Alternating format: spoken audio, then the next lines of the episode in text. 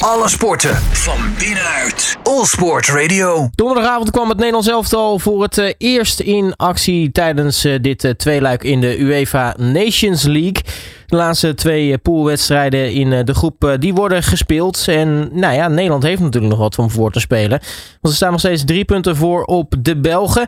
En dat betekent dat als we die voorsprong vasthouden, dat we doorgaan naar de Nations League Finals. Maar goed, eerst moesten nog worden afgerekend met de Polen. En dat lukte gisteravond. We wonnen daar met 2-0 in Warschau. We gaan terugblikken op die wedstrijd met Oud International en natuurlijk analist van Ziggo Sport, Jan van Hals. Jan, hele goede middag. Goedemiddag.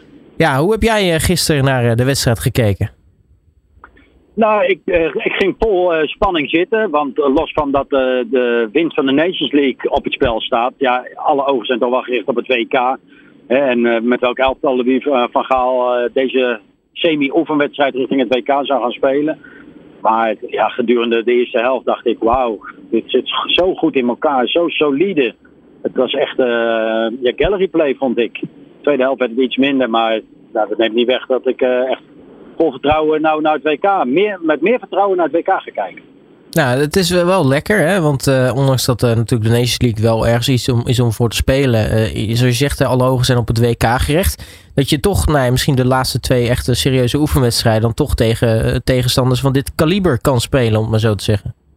Ja, precies, ja, want kijk, Van Gaal die klaagde een beetje dat zijn voorbereidingstijd richting het WK minimaal is.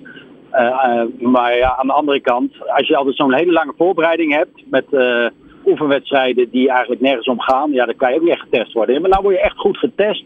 Ik denk dat hij achteraf ook wel blij is met dit soort testwedstrijden. En er komt de komende weekend nog één aan tegen België. Dus, en helemaal met dit resultaat. Ik denk dat hij tevreden in zijn in, in trainingskamp is nou. Ja, voordat we naar die wedstrijd tegen België gaan kijken. Eerst terugblikken op Polen. Wat, wat daar sowieso opviel was al het vrij snelle uitvallen van, van koopmijners. Ja, dat, was, zag er niet eens zo heel erg uh, gevaarlijk uit toen je die beelden zag. Maar blijkbaar kwam dat, die elleboog toch net verkeerd aan.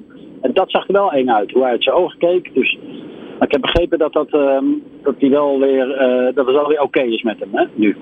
Nou, dat, dat is inderdaad wel weer, weer fijn. Want nou ja, het zou natuurlijk zonde zijn als, als, als je koopmijners bent en je, je valt, nou, nou wat is het, vier, vijf minuten of zo in de wedstrijd val je, val je uit en dan uh, ben je eigenlijk al gelijk klaar voor, uh, voor deze periode. Ja, inderdaad. En ja, ook uh, met schuin oog kijk ik al naar het WK. Want hij zal wellicht een paar weken eruit zijn. Nou ja, dat doet de bondscoach dan. Helemaal als je kijkt wat er daarna gebeurde. Want Berghuis werd ingebracht. Ja, dat was meteen een van de uitblinkers. En op de plek van Koopmeiners. ik denk dat Van Gaal voor Koopmeiners heeft geko gekozen bij, in de basis omdat Koopmeiners verdedigend wel wat sterk is. Maar dat deed Berghuis ook prima. En Berghuis heeft aanvallend helemaal gisteren weer uh, laten zien dat hij echt wel beslissend kan zijn. Dus ja, de ene zijn dood is de andere zijn brood lijkt het bijna wel. Ja, nu uh, viel uh, de eerste goal van Nederland ook al vrij vroeg. Hè? 13e minuut, Cody Gakpo. Um, natuurlijk een, een mooie afronding op een, op een ja, bijna fenomenale aanval eigenlijk van het Nederlands elftal. Ja, ja, inderdaad. Heel mooi positiespel, heel zuinig ook. Rondspelend, wachten op de kans. En wat wel leuk was, was uh, Gakpo hem afronden uh, vanuit de nummer 10 positie. Want daar speelt hij niet zo vaak, ook niet zo graag, begreep ik. En uh, nou ja, nou waren de twee spitsen Bergwijn en Memphis waren uitgeweken. En hij is als nummer 10 duikt dan op in de 5 meter notabene. Ja, dat was, was prachtig en voor hem ook een bevestiging dat hij ook daar kan spelen. Ja, dan uh, is, uh, is Nederland blij. Dan uh, nou, gaat natuurlijk de wedstrijd verder. komt op een gegeven moment toch een moment waar iedereen toch ook weer een beetje van schrok. namelijk Memphis, die nou ja, last had van zijn hamstring. Ja, ja dat, dat, dat is zo. Kijk, elke blessure nu zo vlak voor het WK is natuurlijk zorgelijk. Maar ik had niet het idee, tenminste, ik heb ook wel eens een hamstringblessure opgelopen. En als je hem in de volle sprint oploopt, dat je in één keer niet meer kan lopen dan ben je sowieso zes weken uitgeschakeld. En volgens mij viel dat nog wel mee. Dus uh, maar laten we hopen dat het, uh, dat het ook meevalt. Maar dat waren wel twee smetjes op de wedstrijd, ja. Ja, verder gingen we natuurlijk. nou ja, we hadden nog een kans volgens mij van, van, van Milik, die, die goed verdedigd werd door, door Virgil van Dijk ook. Um, maar voor de rest de Polen eigenlijk niet echt gezien. En nou ja, dan komt Nederland op 2-0 via, via Bergwijn. En dan, ja, dan is de wedstrijd eigenlijk ook gewoon gespeeld. Ja, maar ik had eigenlijk sowieso de hele wedstrijd al het idee dat de wedstrijd gespeeld was. Want we houden die ene kans die jij net noemde. hebben ze nauwelijks schip op de wedstrijd gehad. En ik had het idee als, uh, als Oranje ook, zelfs na al die wissels, want dan wordt het spel vaak wat minder, ja, bleef het gewoon uh, uh, totale controle. Dus ja, geeft me wel vertrouwen. En ik neem aan die spelers ook. Dus dat was wel heel erg mooi om te zien. Ze hebben me echt positief verrast.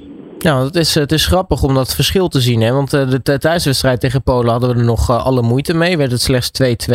En nu heb je eigenlijk een, een, een relatief makkelijke wedstrijd in, in Warschau.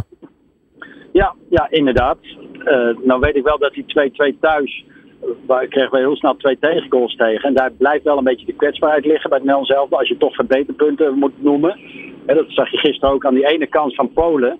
Die gebeurt aan de linkerkant bij Daley Blind. Daley Blind is een fantastische voetballer.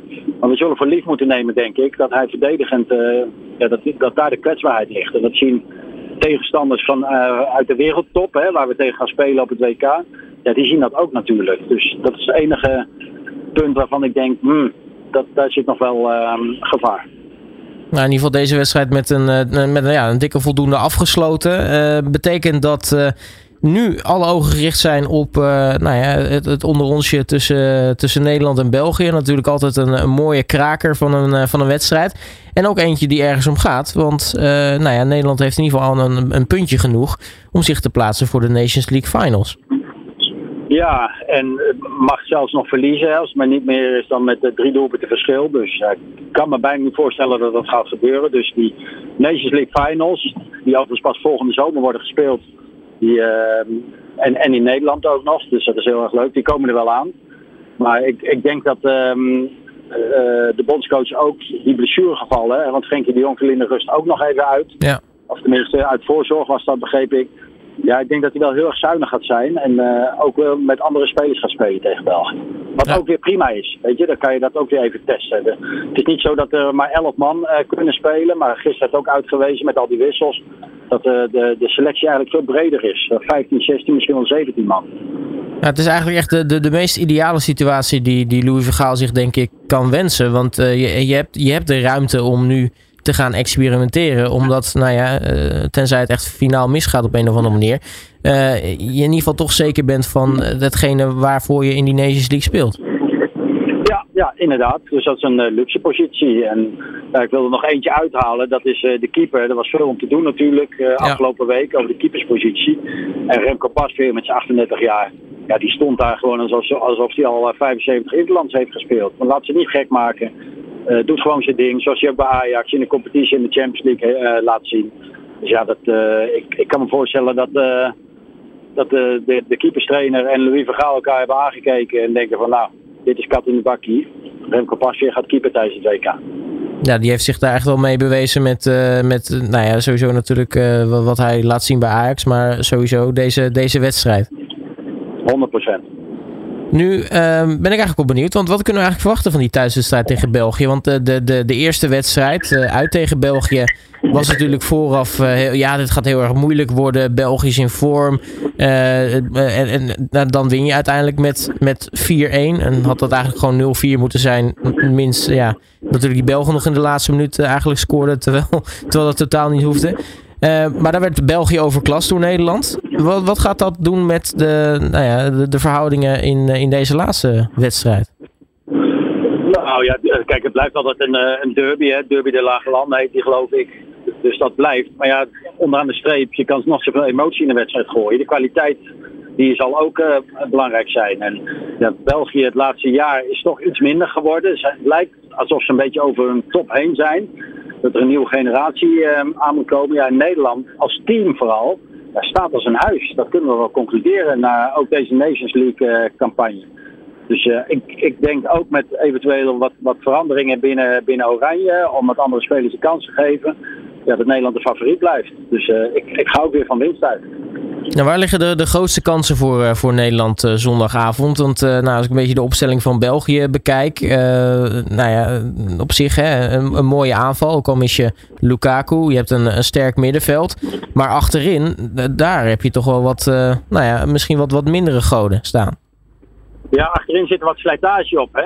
Ja. En ja, daar, daar ligt de kans. En nou ehm, zit daar ook ondertussen de kracht van Nederland zelf wel met Bergwijn en Memphis, die heel veel van positie wisselen. Dat is heel erg lastig voor verdedigers. Maar nou ook nog met Gakpo, die, die diepgang heeft.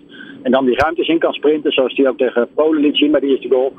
Dus ja, daar ligt, daar ligt de kans gewoon. En ja, die drie voorin, het zijn ook een soort van maatjes. Hè? Je ziet ze naar elkaar kijken en gunnen elkaar ook wat. Dus uh, ik denk dat daar het uh, verschil gemaakt gaat worden. Wat, uh, wat tot slot voorspel jij voor de wedstrijd? ik zeg 3-1 winst voor Nederland. Kijk, dat zijn, dat zijn de cijfers.